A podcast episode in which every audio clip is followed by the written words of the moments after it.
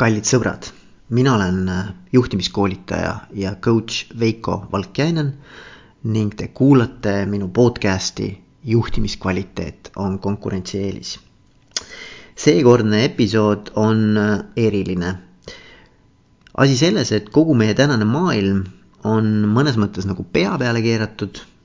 see maapind meie all on kõikuma löödud ja mõnes mõttes ebakindlust, ebamäärasust ning sellest tulenevat ärevust on üha rohkem õhus tunda. ilmselt keegi ei ole meist jäänud sellest puutumata. nii nagu minu enda elu on paljuski sellest pihta saanud, on kindlasti teil kõigil hetkel ärevad ajad käsil. minu seekordseks külaliseks on Merit Raju. ja temaga koos põrgatame mõtteid, kuidas tänases keerulises olukorras nii iseenda kui ka eluga laiemalt toime tulla ning äh, kuidas selle kõige juures säilitada rahu. mõnes mõttes võib öelda, et kriis vast äh, kuulubki elu juurde, vähemalt mulle meeldib nii mõelda. ja veelgi enam, usun, et edukalt läbitud kriis võib osutuda hoopistükkis heade muutuste ajendiks. see on teema, mis mind hetkel kõige enam paelub ja soovin, et te kuulaksite meie vestlust ning kirjutaksite mulle palun meiliaadressil veiko.valkjainen.ee, et mis on need mõtted, mis teid meie vestlusest kõige enam kõnetavad. ja, ja samuti olen, olen väga tänulik, kui saan teile ühel või teisel moel, no näiteks coach'ina äh, toeks olla, et andke mulle palun teada. igal juhul olge terved ja kuulake ikka aga tere, tere, Merit. tere, Veiko. et meil oli siin, äh, me oleme siin paar päeva mõtteid mõlgutanud, et äh, sellest olukorrast, mis meil nüüd siin hetkel äh, riigis ja globaalselt on ja, ja, ja minul tekkis see mõte, et ma õudselt tahaks sinuga rääkida. et ühelt poolt äh, tahan rääkida sinuga sellepärast, et sa oled ise mõnes mõttes kunagi endale tekitanud sarnaseid olukordi varasemalt elus. Ja, ja sul on kindlasti sellise ebamäärasuse ja ebakindluse ja ärevusega toimetulekuks nii kogemusi kui ka, kui ka tehnikaid või selliseid nagu äh, toimetulekumehhanisme, mida, mida teistega jagada ja, ja, ja samas noh äh,, ma arvan, et äh, kõigil meil kulub praegu ära nendele teemadele mõtlemine ja, ja ka siis võib-olla oma elu natukene äh, vastavalt siis olukorrale ka kohandamine, et, ähm, et õudselt tahtsin sinuga rääkida, mul on hea meel, et me selle aja võime ja võtsime. ja, ja kui sinust natuke rääkida, sa võid nüüd ise muidugi siis täpsustada, et, äh, et mida sa enda juures kõige olulisemaks pead rõhutada, aga et, ähm, et ma tooks välja selle, et sa oled äh, tänaseks kirjutanud päris mitu raamatut et äh, miks mulle see oluline on, et ma, ma tegelikult ise kirjutan ka praegu raamatut ja, ja selles mõttes on see hästi niisugune mulle suureks eeskujuks, et sa oled, sa oled vist kuus raamatut kirjutanud või? ja, ja seitsmes ilmub umbes kolme päeva pärast. no vot ähm,. ja, ja kui neid raamatuid, noh lihtsalt anda aimu kuulajatele ka, kes ei tea, et mis, mis teemadel sa kirjutad, et siis äh, noh, pealkirjadeks on sul sellised, sellised äh, vägevad äh, tiitlid nagu Vaba ja metsik, see vist on su viimane praegu, eks ju, viimane raamat. ja, see on ja siis julgusest elada oma reeglite järgi, siis igas mõttes, et töises ja, ja, ja laiemas mõttes nagu kasvõi lastekasvatus või palju asju ma teen hästi omamoodi ja see ei ole alati mugav ja see ei ole alati sotsiaalselt oodatav mm. -hmm. ja siis näiteks noh, mis läheb tänase olukorraga minu arvates väga hästi kokku, leia oma tee, eks ole. et ma arvan samamoodi või hingele pai, mis on ka tegelikult sul veebiajakiri, aga sul on raamat ka samanimeline, eks ju. et, et selles mõttes need on kõik minu arvates teemad, mis hetkel on väga-väga aktuaalsed. aga, aga sa tegeled ka joogaga et oled, oled tegelikult olnud üks nendest inimestest, kes ka joogafestivali on ellu kutsunud, eks ju? ja, ja, ja toimetad ka siis joogatreenerina. jah. mis veel, mis sinu kohta veel peaks teadma inimesed? ja ma ise nimetan ennast elustiili ettevõtjaks, mis tähendab, et see, mida ma teen, on ka see, mida ma müün või mida ma esindan, et see on minu jaoks kõik nagu üks ja sellist töö ja, ja elupiiri nagu väga selgelt ei jookse. muidugi, muidugi töö jaoks ma teen mõned asjad, mida ma muidu nagu elustiilina ei teeks, näiteks sorteerin andmeid või, või olen rohkem internetis, kui ma tahaks. et mm. mingid asjad on, mida nii-öelda peab tegema, aga see on okei okay,, sest see on, äh, sest ma tahan seda suuremat pilti ikkagi ise, ise kogeda seda elu ja samas teistele edasi anda seda, mis on siis hästi jah, naturaalne elustiil, mis tähendab, et väga palju ei ole vaja väljastpoolt nagu mingit telekat või alkoholi või suhkrut või, või tunnustust või mingeid asju, et, et olla õnnelik, vaid saad iseendaga olla õnnelik mm,. no kõlab, kõlab praeguses olukorras küll väga, väga niimoodi, väga hästi, ütleme niimoodi, et ma arvan, et me kõik tegelikult tahaksime tunda niimoodi, et me saame iseendale olla kõige suuremaks äh, toetajaks.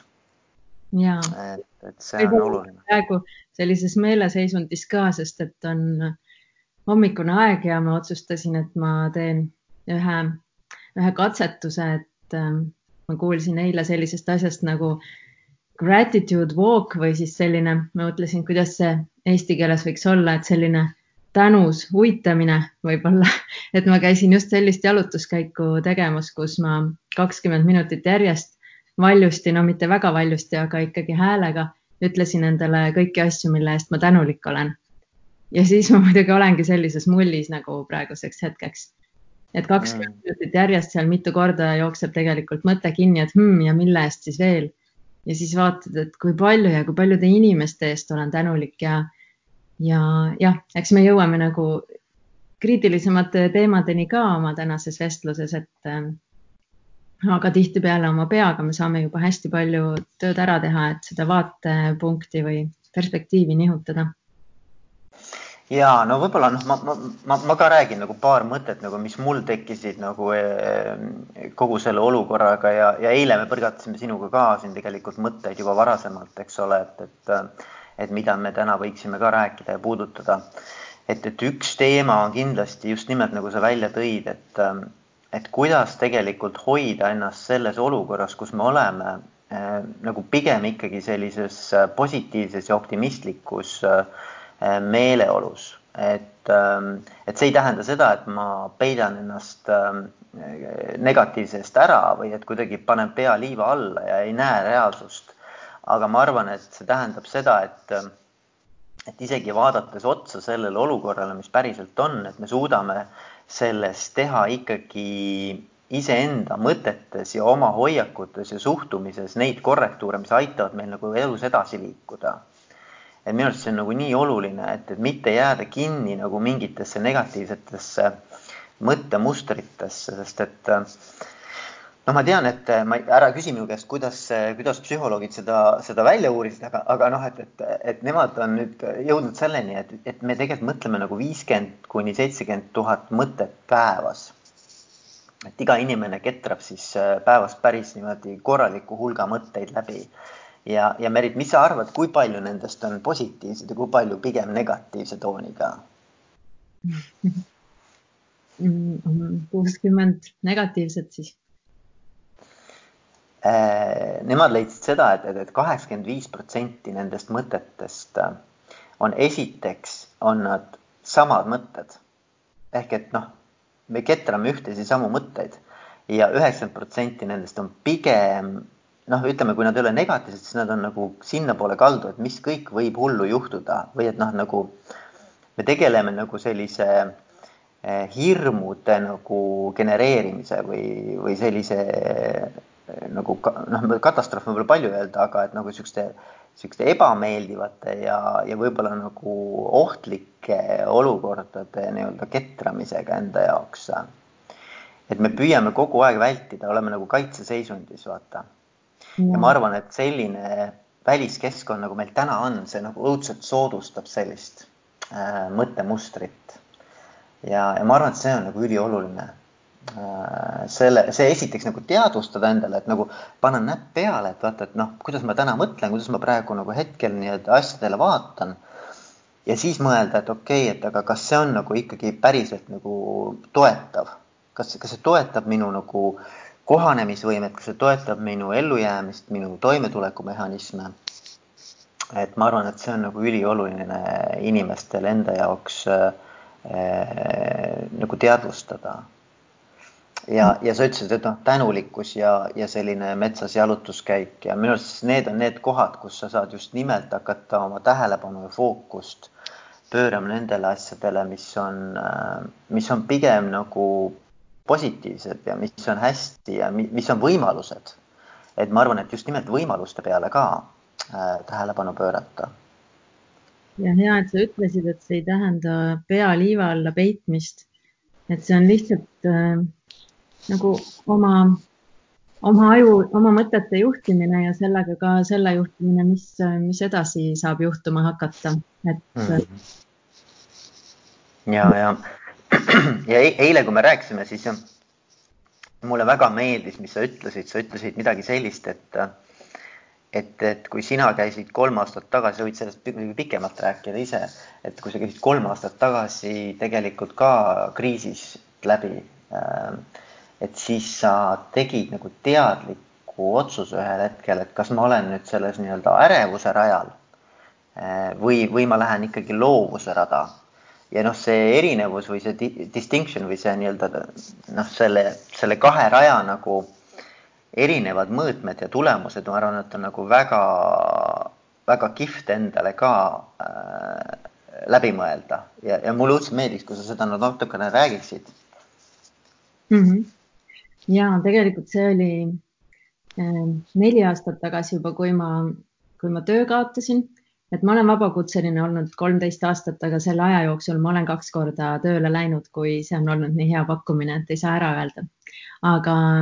erinevalt siis vabakutselise või elustiili ettevõtja või ettevõtja elus, sa ei, ei määra ise nagu, millal see, see suhe lõpeb või millal see projekt lõpeb või töö lõpeb ja siis ma kaotasin töö ja ja siis see oli nagu selline, sest mul oli ka just äh, paarisuhe lõppenud ja mul äh, on praegu seitsmeaastane laps ja siis ta oli mm, neli, kuigi ma ütlesin just neli aastat tagasi, ta ilmselt hakkas just neli saama. Ja, ja selles mõttes oli, oli nagu ärevust sellega, et kui äh, põhiosa sissetulekust kaob ära ja, ja mul oleks olnud variant äh, muretseda selle pärast ja, ja ma seda tegin ka mingis kohas, aga ma tundsin, et see on natuke nii nagu raadio, et äh, need on nagu erinevad kanalid, et ma saan sättida ennast kas, äh, kas selle ärevuse lainele või siis selle loovuse lainele. Ja see oli mul hästi selge vahe, et mul tuli endal idee teha oma ajakiri Hingele pai ja, ja ja ma käisin sellest ärevusest nagu puhkamas sellel lainel, et mul tuli hästi palju ideid, et kellega koos seda teha, mis teemadel, ähm, mis seal, mis artiklid seal võiksid olla ja, ja hästi konkreetne isegi äh, kujunduse mõtteid, et ma sain isegi nagu lapata seda ajakirja oma, oma kujutlustes. ja selles mõttes see oligi nagu hästi-hästi selge vahe, et see, äh, et mitte lihtsalt, et okei okay,, et ma mõtlen nüüd paar mõtet sellest oma tulevikuärist ka, vaid vaid nagu mul oligi terve mingi tund aega võisin selles seisundis olla või kolm või ja kogu aeg ideid äh, üles kirjutada, et oh ja see ja selle inimesega ja kui äge ja, ja siis samal ajal nagu see ka, oh my god, kust ma raha saan mm,. ja kui palju see kõik maksma läheb ja lõpuks see läkski väga palju maksma ja mul on väga hea meel, et ma julgesin seda ikkagi teha. ja, ja hästi kihvt, aga kas ma võin nagu natukene nagu äh, püüda nagu kraapida veel nagu sügavamale, et, et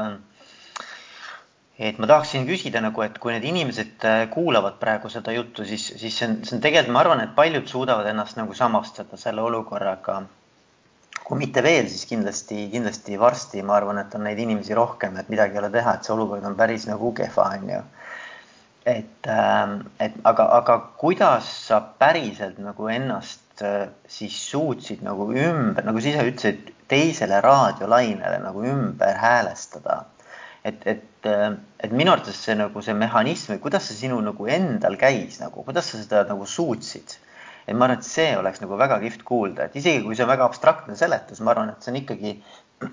mulle meeldiks ka kuulda, et kuidas sa seda, sest et vaata, minu jaoks on ikkagi ärevusseisund selline, mis,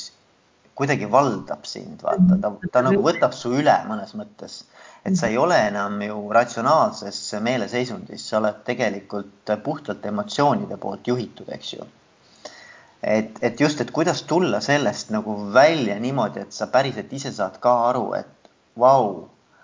et ma olen praegu hoopis teises kohas, et ma tulin kasvõi nagu sa ütlesid, puhkama, eks ju. Ehm, ja mulle nii meeldiks kuulda, kuidas sa seda tegid ja kui ma oskaks seda nii täpselt selgitada, mulle tundub võib-olla, et kui mul mõni mõte pähe tuli, et oh, aga see inimene või see fotograaf, siis ma kohe nagu haarasin sellest kinni, ma hakkasin üles kirjutama neid ideid, et ma nagu, kui see seisund nagu niimoodi vilksatas, noh, et mõni idee, et mis ma veel saaksin teha peale selle, mis nüüd kõik siis äh, kadunud on. Mm, siis ma istusingi maha või võtsingi selle aja, et äh, okei okay,, et äh, siis äkki tuleb veel mõni idee ja, ja ma nagu lubasin sellel äh, juhtuda, et ma ei olnud, et nojah, aga äkki ma ei saa, et mul pole ju raha, et oma ettevõtlust nüüd tegema hakata veel kõige selle nagu krooniks, et et ma olingi nii, et okei okay,, mina ei tea, kas ma teen selle ajakirja või ei tee, aga mul praegu tuli mingi idee ja ma kirjutan neid üles, et ma lihtsalt istusin ja kirjutasin neid ja siis katkestusteta, et ma ei läinud magama ka, kui mul tuli, noh, ikka veel nagu tuli, oli nagu see voog või selline mm. hull mm mm.. natuke kõlab sedamoodi, Merit, et, et, et vaata, et, et kui inimestel on mingid unistused või kui, kui inimestel on mingid äh, tegemata jäänud nagu eesmärgid või, või sellised sihid, mis, mis neid on paelunud pikka aega, aga nad on millegipärast kas neid edasi lükanud või mõelnud, et see ei ole võimalik või et ma teen siis, kui ja siis kolm, kolm punkti, eks ju et siis, siis see on nüüd see aeg, kus tegelikult inimestel on võimalik hakata natukene rohkem tähelepanu ja oma energiat pöörama just nendele teemadele või? ja, vabalt jah. et see kuidagi nagu soosib sellist äh, see soosib nagu sellist eh, noh, heas mõttes nagu fantaseerimist nende asjade üle, mis tegelikult elus on nagu paeluvad ja kus su kirg on ja kus su nagu selline huvi on. aga et mida sa ei ole millegipärast täna ette võtnud. ja vabalt võib nii ka olla ja siis ongi see, et ega sa ei pea neid tegema, et kui sul lihtsalt neid ideid ja mõtteid tuleb, pane kirja, vaata, võib-olla, võib-olla sa teed need, võib-olla sa ei tee, võib-olla tuleb sellest midagi muud mm, hoopiski. et mm, -hmm. et ma ka võib-olla selles mõttes nagu hinnanguteta istusin selles seisundis ja, ja mõlgutasin neid mõtteid. et ma ei olnud nii, et kas ma nüüd kindlasti hakkan seda tegema, et väga, olin väga valmis, et ma ei tee seda tegelikult, aga mulle meeldis olla seal seisundis, nagu jah, sa ise ka märkasid, et ma ütlesin, et käisin seal puhkamas mm,. see on nii, see on nagu mõnes mõttes selline hästi hea metafoor, sest et et, et see ongi nagu selline, mulle tundub selline nagu turvaline paik, kuhu ära pageda, vaata. et see, see tundub selline nii-öelda nagu noh, mingis mõttes selline nagu ongi pai, vaata, et sa saad pai seal, kui sa sinna lähed mm.. et äh, noh, kasutades jälle nagu sinu enda neid, neid, neid metafoore või, või sellist nii-öelda hingele pai äh, äh, väljendit, eks ju. jah kuule, aga siis äh, lisaks sellele vaata noh, üks, üks teema, mida ma võib-olla siia kohe otsa nagu poogiksin niimoodi kiirelt on, eh, et paljud inimesed on ikkagi ka hirmul mingite asjade ees, mida nad võib-olla peaksid tegema, aga või noh, ma ei tea, kas nad peaksid, nad tahaksid teha, sooviksid teha. Eh, ütleme näiteks sinu puhul ka seesama, eks ju, see, see Hingele pai ajakiri, et ähm, et kui sa sellest fantaseerid, siis nagu mingis mõttes sa ju kogu aeg lähed ka sinna paika, noh, ühel hetkel sa ilmselt jõuad sinna, et, kas see kõik on nagu realistlik ja võimalik, eks ju. et siis see küsimus on nagu, et, et kuidas ma seda enda jaoks siis saaksin nii-öelda nagu heas mõttes maha müüa või heas mõttes nagu see omaks võtta äh,. mitte seda kohe nii-öelda nagu kõrvale lükata mingite hästi praktiliste teemade tõttu mis mõnikord on mõistlik ka muidugi kõrvale lükata, aga, aga, aga ma arvan, et, eh, et pahatihti me teeme seda hästi kergekäeliselt. et, et on niisugune tehnika ja, ja ma arvan, et see võib nagu aidata, on seesama Tim Ferrise fear setting, see on siis eesti keeles oleks siis, et hirmude seadmine. Eh, tema tõi. märkide seadmine, jah jah, jah, et, et ta tõi seda nagu vaata vastu kaaluks nagu eesmärkide seadmisele. et, et kui eesmärgid on pigem sellised äh, asjad, mida me nagu äh, noh, võib, võib-olla nagu ambitsioonid, eks ole, millel ei ole tegelikult niisugust nagu negatiivset võimalikku tagajärge, siis fear setting on just, et noh, et nad võivad ka olla eesmärgid tegelikult, aga need on eesmärgid, millel võib olla potentsiaalne kahju ka, et kui läheb hästi, on super aga kui ei lähe hästi, siis võib olla nagu elule tegelikult ka mingi negatiivne kvaliteet või negatiivne mõju, eks ju. et, ähm, et, et, tal on minu arvates see väga kihvtilt nagu välja toodud. ise tõi selle, tal on TED Talk sellele, selle nimeline ka, et noh, kõik, kes kuulavad, et tahavad sellest rohkem teada, siis võivad, võivad vaadata Tim Ferrise, ma panen äh, selle lingi ka siia teksti, teksti juurde pärast, et et aga, aga minu arvates see kihvt asi selle juures on see, et ta ise ütleb, et ta on seda teinud regulaarselt ja, ja paljud asjad, mis tema elus oleksid, head asjad oleks jäänud tegemata, tänu sellele tegelikult ikkagi said tehtud. et, et ma, ma nagu ka hästi nagu äh, julgustaks inimesi läbi mõtlema, et mis on need asjad, mida ma soovin, aga, aga mul on kartus, et, et mis võib olla see tagajärg, just nimelt see pigem see negatiivne tagajärg ähm,. ja selle tõttu ma jätan need asjad nagu tegemata, kuigi seal on nagu see potentsiaal positiivse tulemuse jaoks palju suurem. Mhm. et äh, noh, ma arvan, et näiteks sul ka see kogemus, eks ju, selle, sellesama Hingele pai ajakirja ärategemisega, et, et, äh, et noh, ma ei tea, kas sul oli ka mingisugused ratsionaalsed sellised argumendid, miks seda ei peaks tegema? ikka, ikka, ikka ja päris palju oli hirmu just selles otsustamise kohas ka, kus kõik muu oli valmis, nagu eelarve oli valmis ja inimesed olid valmis ja artiklid, äh, ideed olid valmis, nagu kõik oli valmis, et nüüd lihtsalt ootasime seda momenti, et kus mul on selge, et kas me nüüd teeme või me ei tee. ja, ja see oli ja see oli ka nagu huvitav ja oli hirmutav ja ja alles aasta hiljem ma sain aru, milline risk see päriselt tegelikult oli, et me tegime ilma äh, reklaamita ajakirja. Ja, ja noh, trükimeedia on ju üldse selline kahanev valdkond, et selles mõttes tegime kahanevas valdkonnas mingi täiesti hullu triki ka veel lisaks. Või hullu nüansi nagu ilma reklaamita ja, ja mm õnneks jäime ellu, aga sama hästi oleks võinud ka teisiti minna. et eks see ongi ähm, mingid riskid tuleb võtta ja mingeid äh, noh, väga paljud siis ei võta, et eks seda näitavad ka need statistikanumbrid, et äh, need uued ettevõtted ju esimese aastaga viiskümmend protsenti jääb ellu või? Ja kümne aastaga nagu üks kuni kolm protsenti. Mm.. ellujäämise võimalused on ikka ka nagu kalamaimul. On, on, on, on jah, ei nõus, aga samas noh, ütleme niimoodi, et igas äh,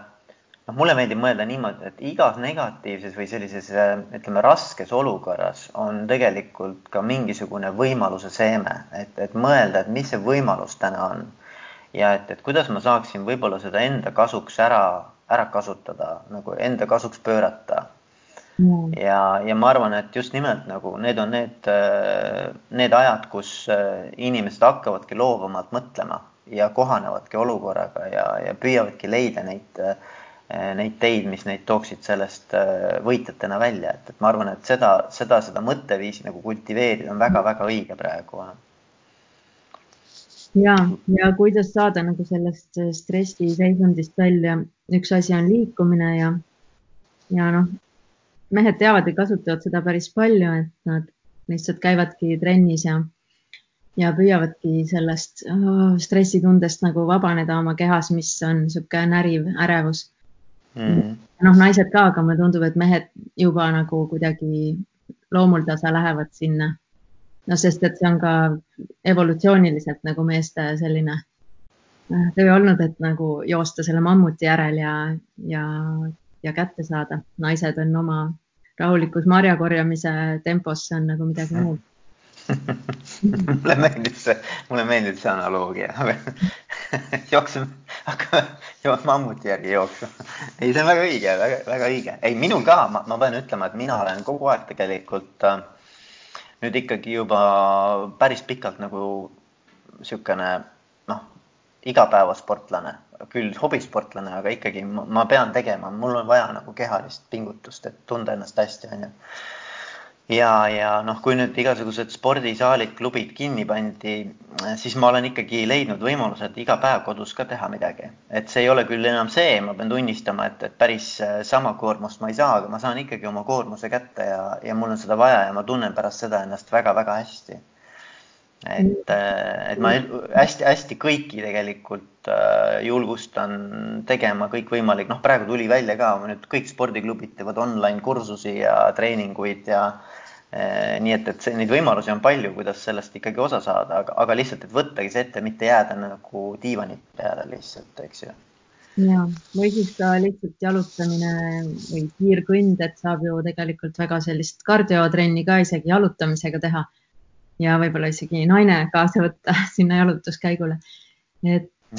et ma ise kasutan hästi palju jalutamist ja, ja ma näen, et kui on nagu selline ärevam aeg või kui ongi mingi äriotsus vaja teha ja ma ei tea täpselt, kuhu poole see langeb ja ma ei tea ka täpselt, kuidas seda otsust teha, siis ma ka teen nagu pikad jalutuskäigud. et kui ma igapäevaselt muidu jalutan umbes üks tund ja püüan valgel ajal jalutada, siis nagu sellise mingi otsuse tegemiseks või mingi ärevuse tunde mahasaamiseks ma jalutan poolteist või kaks tundi. Mm.. ja siis nagu ja ma ei kuula midagi samal ajal, et, et ma lihtsalt, lihtsalt olen oma mõtetega ja, ja mittemõtlemisega ka vahepeal ja, ja selles mõttes lihtsalt ootan seda, seda mingit vastust, mis selle jalutamise lõpuks noh, kas tuleb või ei tule, aga igal juhul mul on nagu selline rahutunne sellest sees mm. -hmm nojah, et see on, see on kihvt jah, et, et ei, ma olen ka nüüd kasutanud, mul on, mul on poeg ka hetkel siin Eestis, et muidu ta elab Lätis, aga et, et me nüüd oleme ka ikkagi iga päev käinud temaga nagu jalutamas, mis on, mis on väga-väga kihvt, et ühelt poolt on see, ma arvan, meid ennast ka omavahel, noh, et vaata, siis sa räägid ka teistel teemadel, eks ju, et, et äh, kui sa lihtsalt jalutad tund aega äh, pojaga, eks ju. Et, et muidu ju on kogu aeg ikkagi tähelepanu millelgi muul, kui sa koos oled. Aga et siis on nagu see noh, need teemad on ka sellised, mis aitavad nagu paremini üksteisele lähemale saada, et, et selles mõttes ma hästi nagu julgustan ka, et just nimelt nagu sa ütlesid, et võtke, võtke oma lähedased ka kaasa, et, et siis tegelikult see, see toob ka teid lähemale üksteisele. noh, võib tuua, mul, mul, mul on niisugune tunne. ja kaks päeva tagasi ma jalutasin Klooga rannas ja päikeseloojangu ajal ja, ja istusin ka vahepeal kiviservale ja vaatasin, et vau, et selline merelindude vaatlemise meditatsioon, et aga meditatsioone on ju nii erinevaid tüüpe ja sellest aina rohkem räägitakse, kui, kui kasulik see on meie ajule, meie igasugustele äh, seisunditele, sisemistele seisunditele ja, ja lõpuks siis ka, kuna see vähendab stressi, siis ka immuunsusele ja loovusele. ja siis lihtsalt äh, see on täiesti üks meditatsiooni liik, et lihtsalt vaatled, et see võib olla küünlalõigi vaatlemine või ükskõik mille vaatlemine, mingi pildi või või metsas äh, ümbruse vaatlemine, aga, aga seal mere ääres selle päikseloojangu ja nende merelindudega oli mingi eriline selline vau wow,, et see on nii ilus meditatsioon. Ja, ja see teeb ka rahulikuks, kui sa lähed täiesti selle olukorra sisse, et sa ei ole enam seal oma pea selles olukorras ja selles nagu ohuseisundis, et vau mis minuga toimub ja minu elus ja minu rahaga vaid sa nagu lihtsalt vaatadki neid linde ja vaatad ja vaatad ja vaatad ja vaatad ja ja lõpuks saad nagu väikse nagu distantsi oma, oma nendest probleemidest. ja mis jällegi ei tähenda, et see, need probleemid on kuidagi nagu vähendatud sellest või et äh, lihtsalt hakkabki see loovus tööle ja see on see, mida oleks kõige rohkem praegu vaja. ja no vot, kui rääkida nagu sellest, et kuidas tuua oma, oma meel nagu siia olevikku või siia hetke, eks ju et siis, siis mulle meeldis ka, ma ei tea, kust ma seda kuulsin, aga mulle meeldis see nõuanne ka, et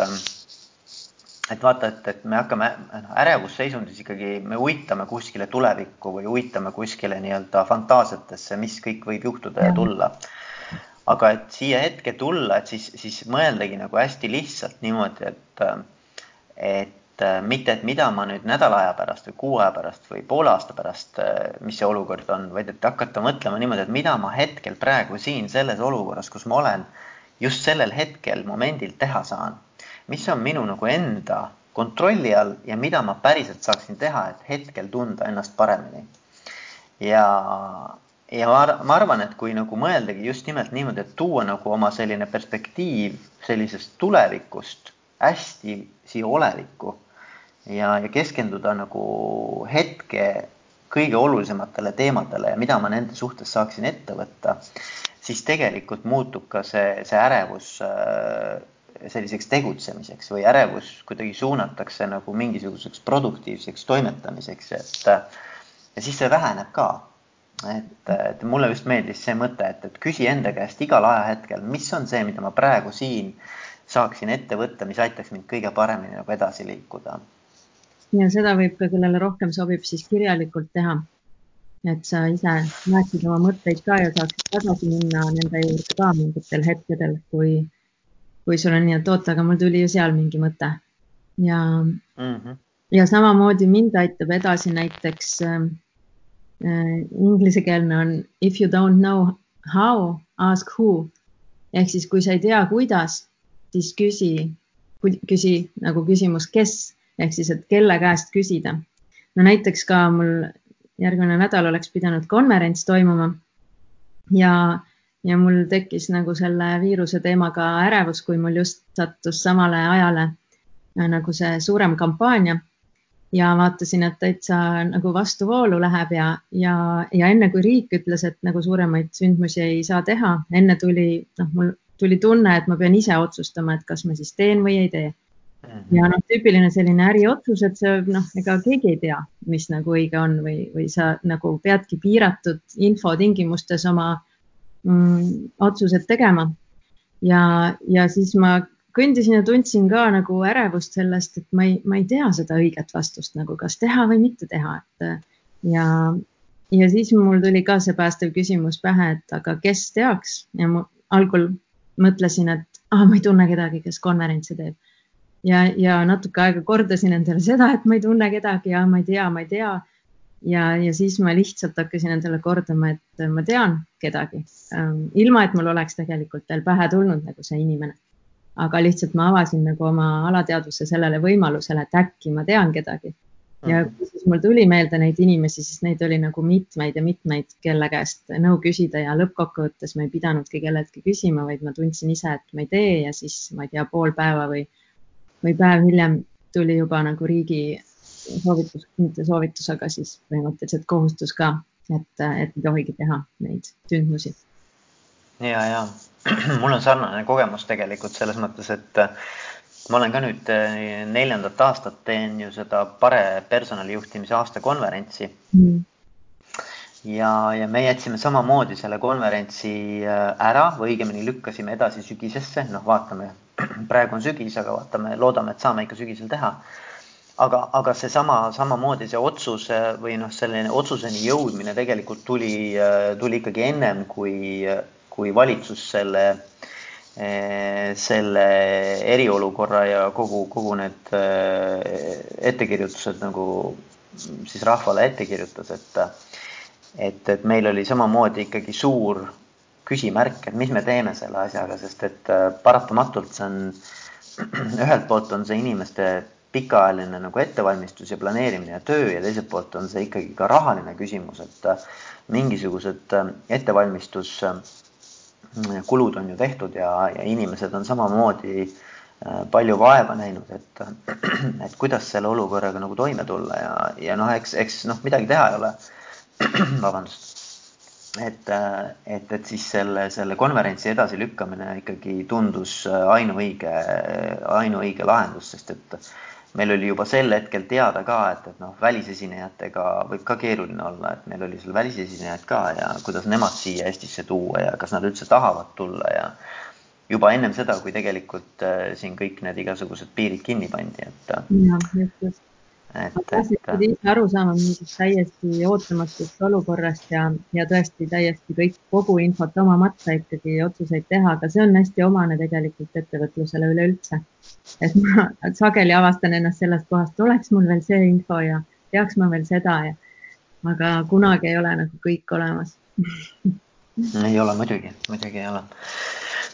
aga Merit, mis on veel need asjad nagu, mida me võiksime kuulajatele nagu südamele panna selles olukorras, et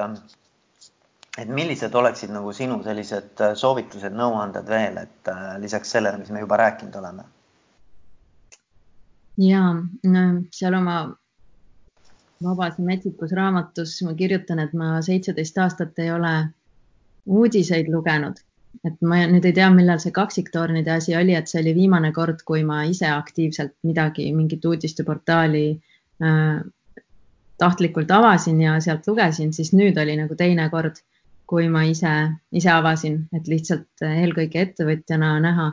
mis tingimustes me täna hommikul siis nagu toimetame. ja, ja siis ma märkasin, et see, see imeb nagu natuke endasse ikkagi see, see uudiste jälgimine ja ja, ja sul tekibki nagu selline vajadus siis, siis mingi aja pärast uuesti vaadata, et mis sellest on saanud ja mitu nüüd on haigestunud ja nii edasi, et sa jääd nagu selle mingisse lõksu või mingi, mingi lõa otsa. ja, ja noh, nüüd, kui on nagu nii-öelda stabiilsem, et siis, siis on see aeg, kui, kui vähem uudiseid vaadata või noh, ma ise enam üldse ei vaata et, et jälle noh, mingi tunnetuse järgi ja eks me, inimesed ju räägivad ka kõik omavahel suhteliselt nagu sellest teemast, et, et tegelikult tähtsamad uudised jõuavad sinuni niikuinii, et oleneb, kui palju sul töiselt vaja on, aga tõesti, ma isegi seitse aastat olin,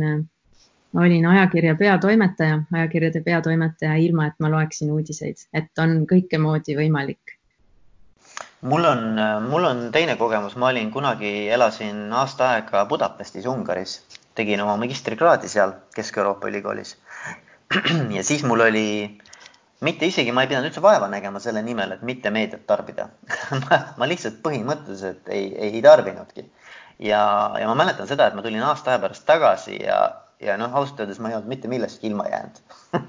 et, et, et selle samast asjast ja ma elasin Saksamaal ja täpselt sama, et ei jõudnud Eesti uudistega kursis olla ja internetis käimine oli ka nii ebamugav toona, et see ei olnud mingi oma telefonist, on ju. no just. ja, ja siis jah, täpselt samal põhjusel, et nagu jääd välja ja siis vaatad, et sellest ei juhtunudki mitte midagi. just, just, just, et, et selles mõttes jah, ma olen, ma olen sinuga nõus, et, et ega midagi ei ole teha, meedia ju keskendub ikkagi nagu sellistele teravatele ja võib-olla natukene niisugustele äh, noh,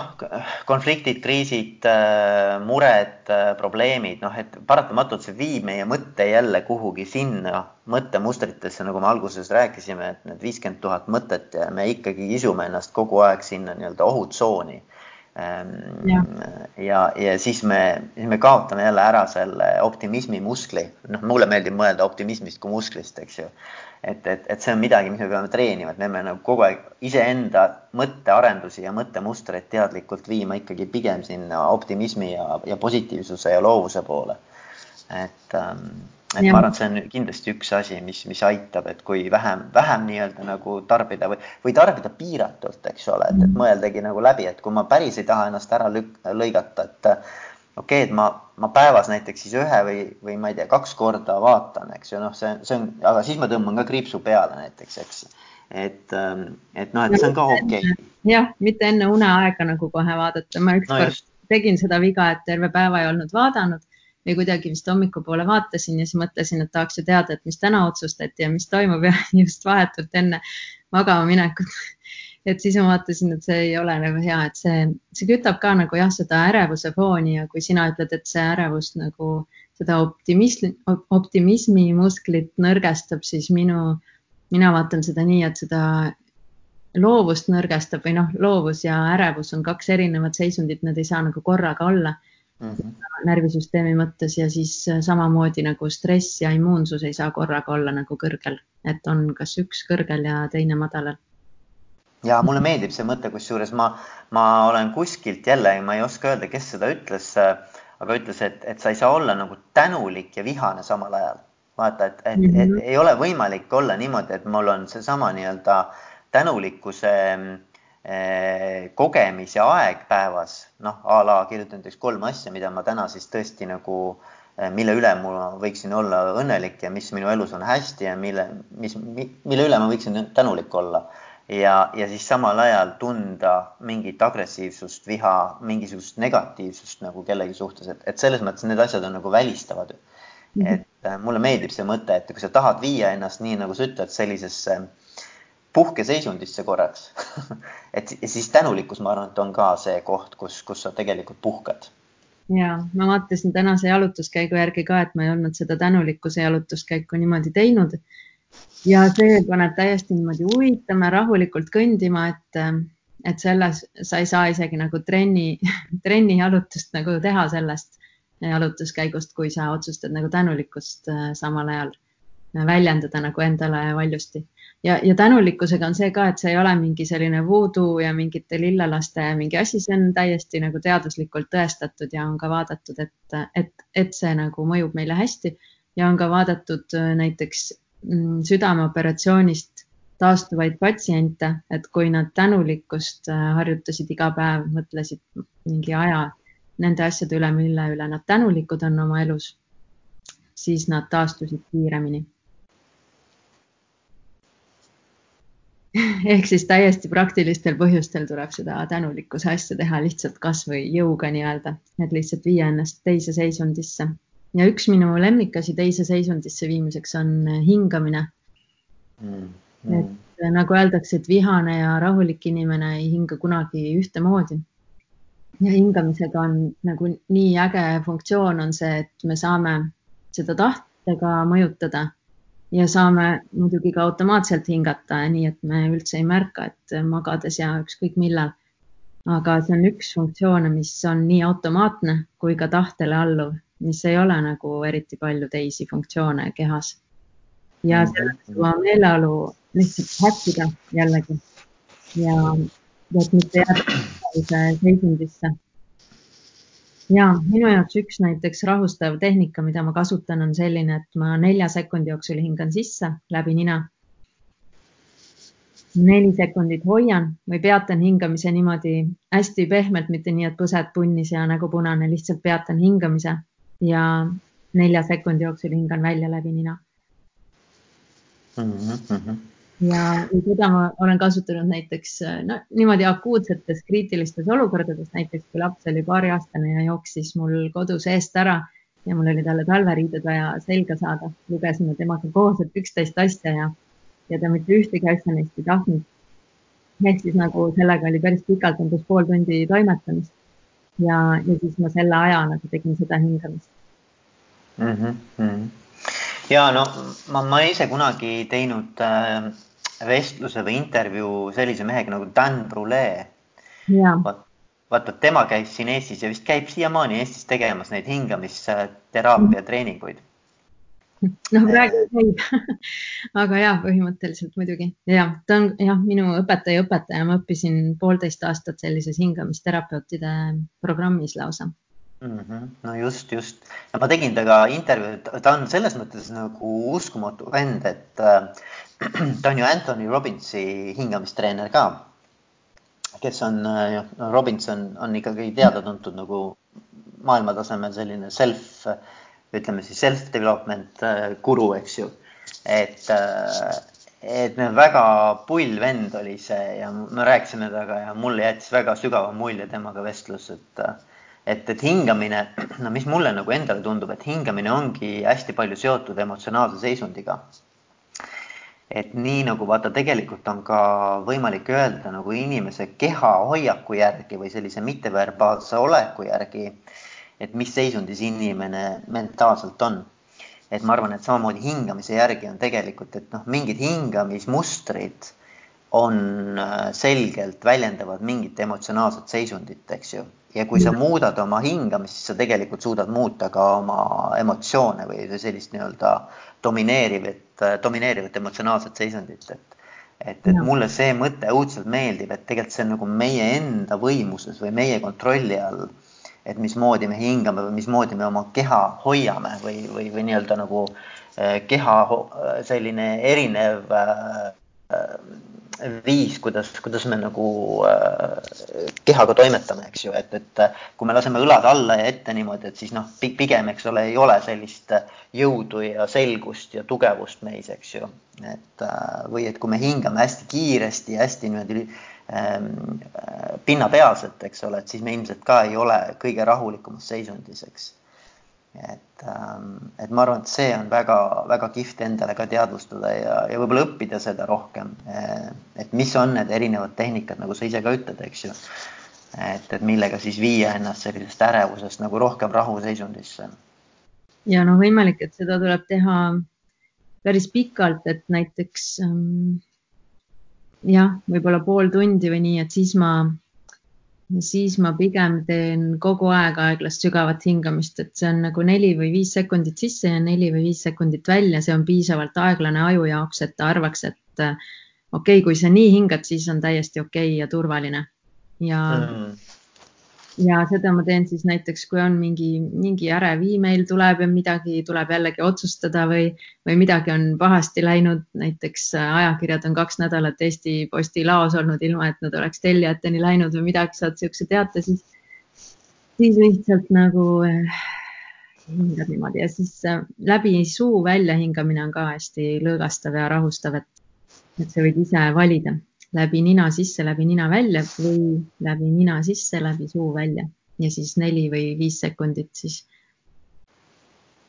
mm -hmm. nii-öelda ja kui sa teed seda piisavalt kaua ja alguses tuleb seda tahtega ja tähelepanuga vaadata ja jälgida, aga siis hakkab keha juba ise niimoodi hingama ja, ja siis sa saad samal ajal kiiresti tegutseda, sa saad samal ajal kiiresti mõelda, loovaid lahendusi leida ja, ja hoiad jah, nagu oma kehast kõik stressist tulenevad kahjud ära ja, ja minu meelest see on geniaalne, sellepärast nimetataksegi aju häkkimiseks või brain hack mm. -hmm. ja hingamine on kindlasti ülioluline, et äh, ma mäletan, kui ma tegin triatlonit, siis äh,, siis ujumine oli ka selles mõttes minu arvates väga hea spordiala, et ta sunnib sind nagu sügavalt hingama, noh nagu kogu kopsumahtu ära kasutama ja hingamisele hästi tähelepanu pöörama, et äh, seal tekib mingi rütm ka vaata et, et, äh, et selles mõttes mulle meeldis see, see, see ujumine just hingamise pärast ka mm. -hmm. Mm. kuule, aga siis on, see on äge noh, et, et siit ma arvan, nagu neid mõtteid on palju, et, et üks asi, mida ma ise veel tahtsin nagu meile siia lauale visata ja sinu mõtteid kuulda on, et ähm, et vaata, et kui ma olen nagu oma nende erinevate mm, vestluspartneritega siin nüüd sada kaheksakümmend või, või umbes, umbes nii palju vestlust pidanud, siis üks teema, mis nagu olenemata siis, äh, mis meil nagu keskkonnas toimub või mis see välisilm on või, või et kust tuuled puhuvad, kui on see torm või on see rahuaeg, et et teema, mis kogu aeg ikka ja jälle üles tuleb, on inimsuhted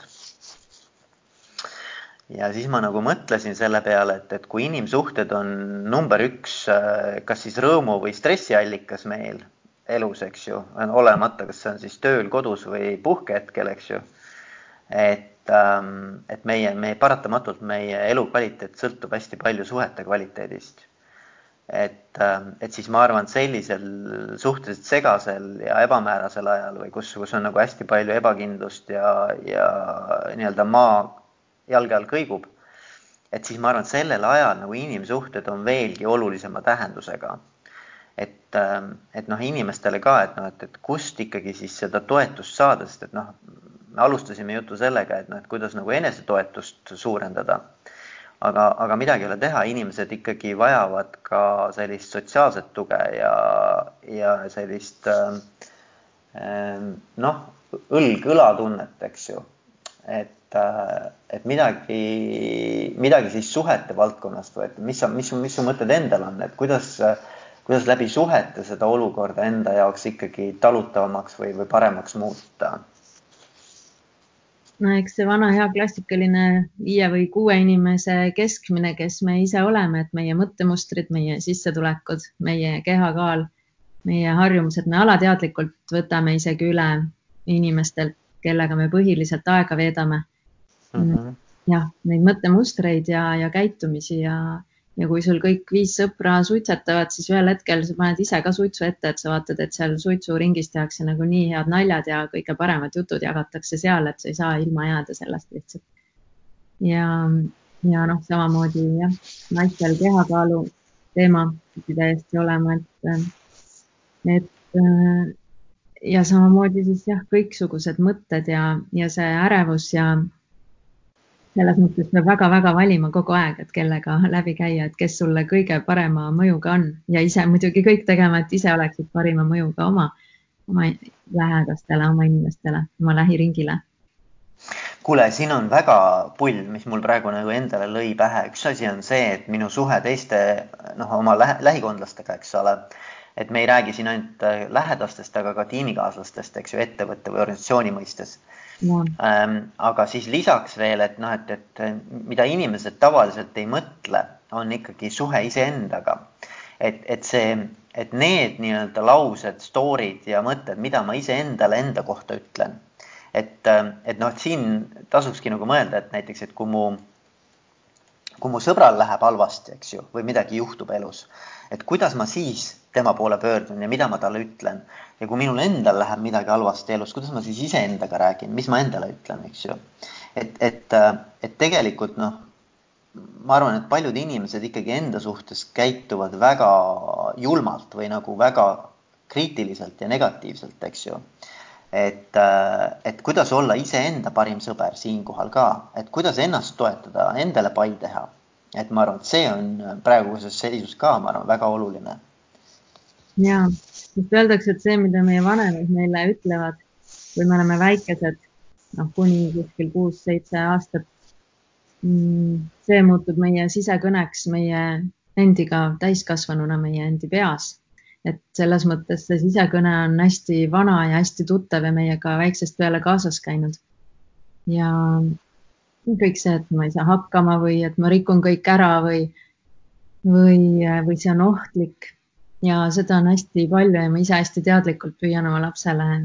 mitte, mitte öelda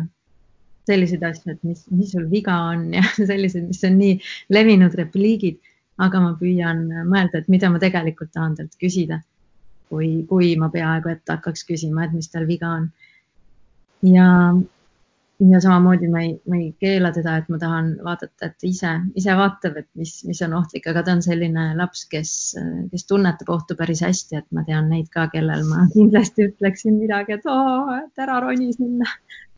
aga ja, et see tuleb tegelikult hästi kaugelt ja selles mõttes ka teraapia on täiesti okei okay asi, mida võtta. mina aeg-ajalt käin, vaatan, noh, nüüd jälle võiks natuke minna, natuke käia. käisin äh, pool aastat tagasi näiteks, võtsin holistilise neliku, mis on nagu neli, neli sessiooni järjest, et vaadata, kuhu see viib, et sul ei pea olema nii-öelda midagi viga, vaid see võib ka lihtsalt uudishimu olla ja, ja samamoodi see aitab neid mõttemustreid muuta. ja väga paljudel on see, need mõtted, et see ei ole võimalik ja, ja sellised nagu piiravad, aga mis siis, kui äkki on võimalik. ja, ja ma ise käin ka oma jalutuskäikud, siis kasutan nagu hästi teadlikult aeg-ajalt ka näiteks selleks, et korratagi mingit mõtet, et see kriis, mis mul kolm aastat tagasi oli, oli see, kui ma kaotasin oma tervise ka, ehk siis mul oli kopsupõletik ja ja rahad otsas ja selles mõttes oli väga-väga kriitiline. Ja siis ma käisin seal metsas ja kordasin endale alguses kordasin endale tahtmatult seda, et mis mul on ja, ja äkki see on mingi ta-ta-ta nagu jube haigus ja, ja, ja nagu see ta-ta-ta tähendas, et see oli terve loetelu, mis asjad mul kõik võivad olla, mis haigused. ja, ja siis ma vaatasin, et aga mulle ei meeldi need mõtted ja need ei tekita mul kehas kuidagi head tunnet ja, ja ma hakkasin endale kordama, et ma olen täiesti terve ja vahel jalutasin pool tundi ja kordasin endale kogu aja seda, vahel mõtlesin muid mõtteid ja ainult vaheaegadel nagu kordasin endale seda. ja sest see oli mu eesmärk ja ma teadsin, et see ei ole jällegi pea liiva alla panemine selles mõttes, et ma ei tee mitte midagi, ainult kordan endale, et ma olen täiesti terve. niimoodi see päris ei tööta, võib-olla töötab kellelgi. aga ma teadsin, et ma Mm, võtan toidulisandeid ja ma käin erinevate arstide juures ja ma nagu teen kõik, mis võimalik. Ja, ja siis kordan endale seda, kuhu ma tahan välja jõuda teisest otsast. ja jõudsin mm.. ja, jah, ei no väga, väga, ma arvan, nagu eluterve selles mõttes, et äh, ikkagi viib nagu meele sellesse õigesse kohta või sellesse õigesse äh, nii-öelda emotsionaalsesse punkti, eks ju, et ähm, aga, aga kui siit veel nagu, nagu edasi kerida, et noh, et, et midagi ei ole teha, et mõned inimesed vaata tunnevad ikkagi, et noh, tulevad sellised äh, erinevad emotsioonid ja tunded peale, et siis ma arvan, et tegelikult on okei okay ka lasta tunda endal neid äh, neid tundeid, mis parasjagu siis äh, ikkagi keha vajab väljendada, et noh, et, et on see siis kurbus, et noh, siis lasta endal olla kurb, eks ju. Et äh, kui, kui on ikkagi nagu mingi suur ärevushoog, siis lihtsalt nagu tunnistadagi endale, et jah, et ma olengi praegu ärev, eks ju. või et, et kui on viha, siis on viha ja nii edasi, et, et tegelikult on okei okay olla, noh, et me peame tegelikult läbi elama ka need emotsioonid, mis, mis meil parasjagu nagu äh, Äh, üles kerkivad, aga, aga selle mõttega, et need ei võta meist nii-öelda nagu lõputult võimu või et me ei jää nendesse kinni, aga et me tegelikult teadvustame, et jah, ma olengi praegu vot vihane, olen praegu kurb äh, või, või ärev või mis iganes see tunne on, aga et, et siis äh, pigem küsida enda käest, et noh, et, et mida see tunne mulle tahab öelda või et, et mis ma sellest nüüd enda jaoks peaksin nagu äh, noh, nagu nii-öelda signaalina üles korjama. Ja, ja et mida ma saan teha, et siis on see küsimus, et okei okay,, et praeguses olukorras, kuidas ma saan siit kõige paremini edasi liikuda. et siis, siis ma arvan, et sellest on ka kasu, sest et ega kõik emotsioonid, mida me tunneme, on need siis positiivsed negatiivsed, on mingis mõttes äh, ikkagi noh, mingisuguse tagamõttega või mingisuguse sellise eh, noh, nad on, nad on nagu indikatsioon, et nii nagu valu, eks ju, ütleb ka meile, et võta näpp ära või et ära tee niimoodi, eks ju. Et siis ma arvan, et, et viha või, või, või ükskõik milline muu selline pigem negatiivse alatooniga emotsioon tahab ka midagi meile öelda, eks. -hmm. ja muidugi hea, et sa selle välja tood, et see ei ole jah, nagu selle peitmine, aga pigem, et noh, mis, mis seisundis sa valdavalt tahad olla ja, ja, ja siis jah, selles kohas, mida sina kirjeldad, ongi see, et äh, võib-olla kellelt abi küsida, kuhu teraapiasse minna, nagu millised otsused rahaliselt teha, et sealt tulenevad mingid järgmised sammud, kui sa oled aru saanud, et mis seda ärevust tekitab või, või viha või, või kurgust ja ma arvan, et noh, see on nagu, et, et võib-olla, võib-olla see nagu see, see sõnum või see mõte on seal taga see, et mitte nagu neid alla suruda, vaid, vaid et pigem lasta need kuidagimoodi võimalikult just nimelt kergelt välja, et, et noh, on see siis näiteks mõnele inimesele meeldib kirjutada need välja, eks ju, mida ma tunnen praegu, et noh, ongi, lased endal lihtsalt nagu ma ei tea, siis äh, sulepea või, või, või, äh, või oma selle klaviatuuril klõpsida, eks ju. et tuleb, mis tuleb sealt ja sul on pärast tegelikult hoopis selline nagu kergem tunne. või, või siis sul on mõni hea lähedane inimene, kellega sa lihtsalt räägid selle asja lahti, lihtsalt, lihtsalt lased kõik valla, mis sul sees on, et, et, et erinevad äh, tehnikad, mis inimestele sobivad, et aga, aga ma arvan, et just, et noh, et, et mingi periood näiteks, et noh, mul on ka niimoodi, et kui ma, kui mul on mingisugune äh, kehva päev või, või kehva mingisugune kogemus, siis ma äh, ütlengi endale, et ma luban, et ma olen näiteks järgmised, ma ei tea, tund aega noh, et, et, et see on okei okay kogeda seda, seda, seda, seda, mis iganes see emotsioon on. Ja siis pigem küsida enda käest, aga mis ma siis nüüd saan teha või et kuidas ma nüüd saan siit edasi liikuda niimoodi, et mul oleks võimalikult äh,, võimalikult kergem nagu sellest välja tulla, et äh, et, et mingi periood on okei okay kogeda ka selliseid negatiivseid emotsioone ju. ja, hea, et sa selle välja tood. Ja aga mis ma veel suhete poole pealt äh, avastasin seekord või märkasin seekord, mida minu meelest eelmise kriisi ajal ei olnud, oli see, et kuidagi nagu noh, kuidagi kõik ei saanud nagu korraga ju praegu lüüa, et inimestel on erinevad faasid selles, selles kohas, mõni, mõnel läks nagu kohe heleda laksuga kogu, kogu tegevusharu äh, kadus ja, ja mõnel ei muutunud midagi, ta lihtsalt saab kodus oma tööd edasi teha, lasteaiad on lahti ja, ja pigem läks paremaks, et sa sealt Harjumaalt ei pea Tallinnasse enam sõitma iga päev hommikutes ja, ja, ja need inimesed on hästi toetavad ja, ja, ja nagu räägitakse sellest, et toeta seda Eesti väikeettevõtjat, osta talt asju ette ja, ja Ameerikas on selline äpp tehtud, kus, kus sa saad kas toetust pakkuda või, või toetust küsida nagu rahalises mõttes ja, ja sellised asjad, mida ma eelmine kord ei märganud või neid ei olnud lihtsalt ja minu meelest see on nagu nii ilus, et selles kriisis äh, toetatakse ka võõraid inimesi mm. -hmm. ja, ja tegelikult oleme ausad, ega ähm, ega ka valitsused on ikkagi väga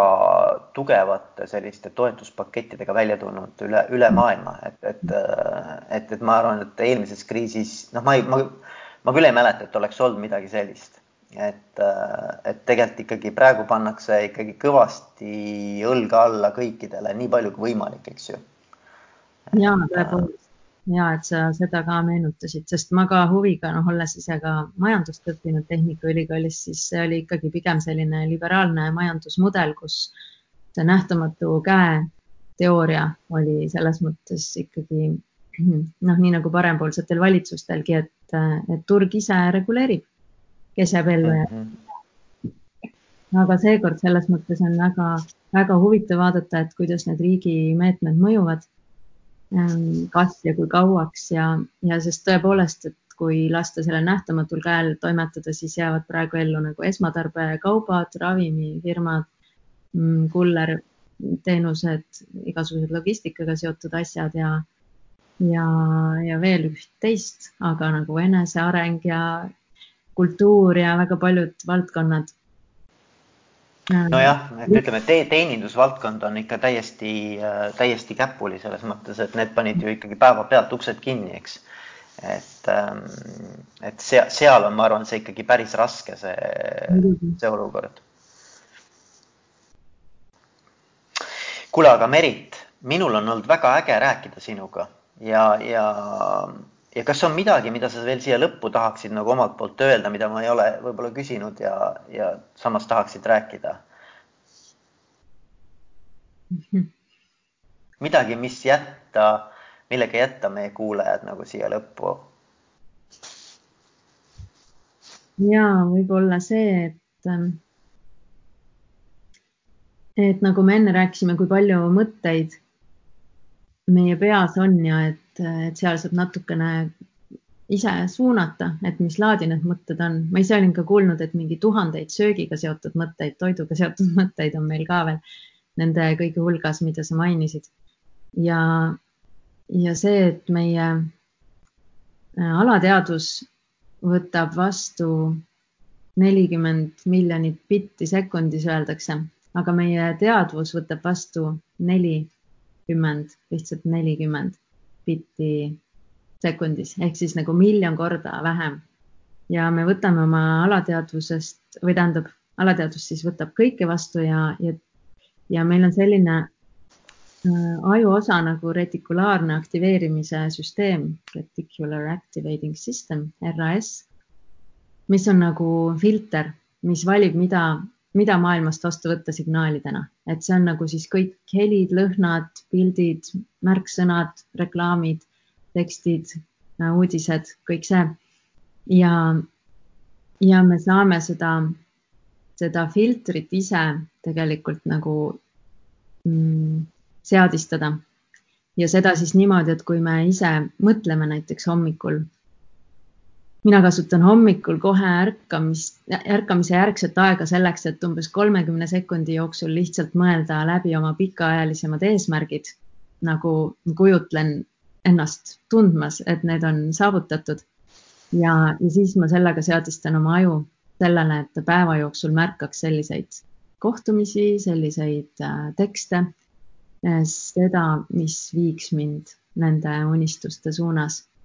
ja, õhtul enne magama minekut ma teen sedasama nagu hetk enne uinumist ja selleks ei kulu rohkem kui kolmkümmend sekundit mm. -hmm. väga äge jah, mul, mulle kohe meenub sellega vaata, et kui ma kunagi ähm, ostsin ühe auto, siis ma hakkasin nägema igal pool seda autot äh, liikumas ka, vaata varem üldse ei pane tähele neid autosid, eks ju. et ma arvan, et see on midagi sarnast, eks mm. -hmm. et, et kui sul on äh, kui sa, kui sa nagu mõtled mingisuguse sihi või eesmärgi peale, siis äh, paratamatult elus hakkad ka märkama neid võimalusi rohkem, kuidas sinna liikuda, isegi alateadlikult, eks ju. et mm, -hmm. et vaata seesama, nagu me mõtlesime siin alguses, vestluse alguses rääkisime, et, et võib-olla see on see aeg, kus sa saadki hakata rohkem tähelepanu pöörama nendele asjadele, mis sul on jäänud millegipärast nii-öelda nagu noh, oled lükanud edasi või kõrvale või ei ole tahtnud või ei ole olnud mahti tegeleda, et siis, siis noh, võib-olla nüüd ongi jällegi see aeg, kus sa siis tegelikult keskendud nendele teemadele ja mõtled, et kuidas ma oma tegelikke unistusi saaksin ellu viia. Äh, ja mis võimalusi pakub see kriis just nimelt nende elluviimiseks. ja ja selleks jah, ei peagi otseselt midagi tegema lihtsalt ka hetk nagu hetkel, kui sa ei ole valmis, vaid lihtsalt kujutled ja vaatad, mis, mis sa tänu sellele märkama hakkad elus ja siis ka nendest märkamistest muidugi tuleb kinni haarata, et näiteks minna ja tutvustadagi ennast en,, ennast kellelegi, kes, kes on oluline sinu tuleviku kontekstis mm. -hmm. Kuule, aga väga äge, Merita minul on olnud väga äge sinuga rääkida nii täna kui varem, varem, eile ja üleeile ja et, et ma loodan, et äh, nii sinul endal tekib uusi võimalusi ja loovaid radu, kuidas sellest olukorrast võitjana välja tulla ja, ja ka meie kuulajatel, et, et aitäh sulle, et sa selle aja võtsid rääkida minuga. ja aitäh teile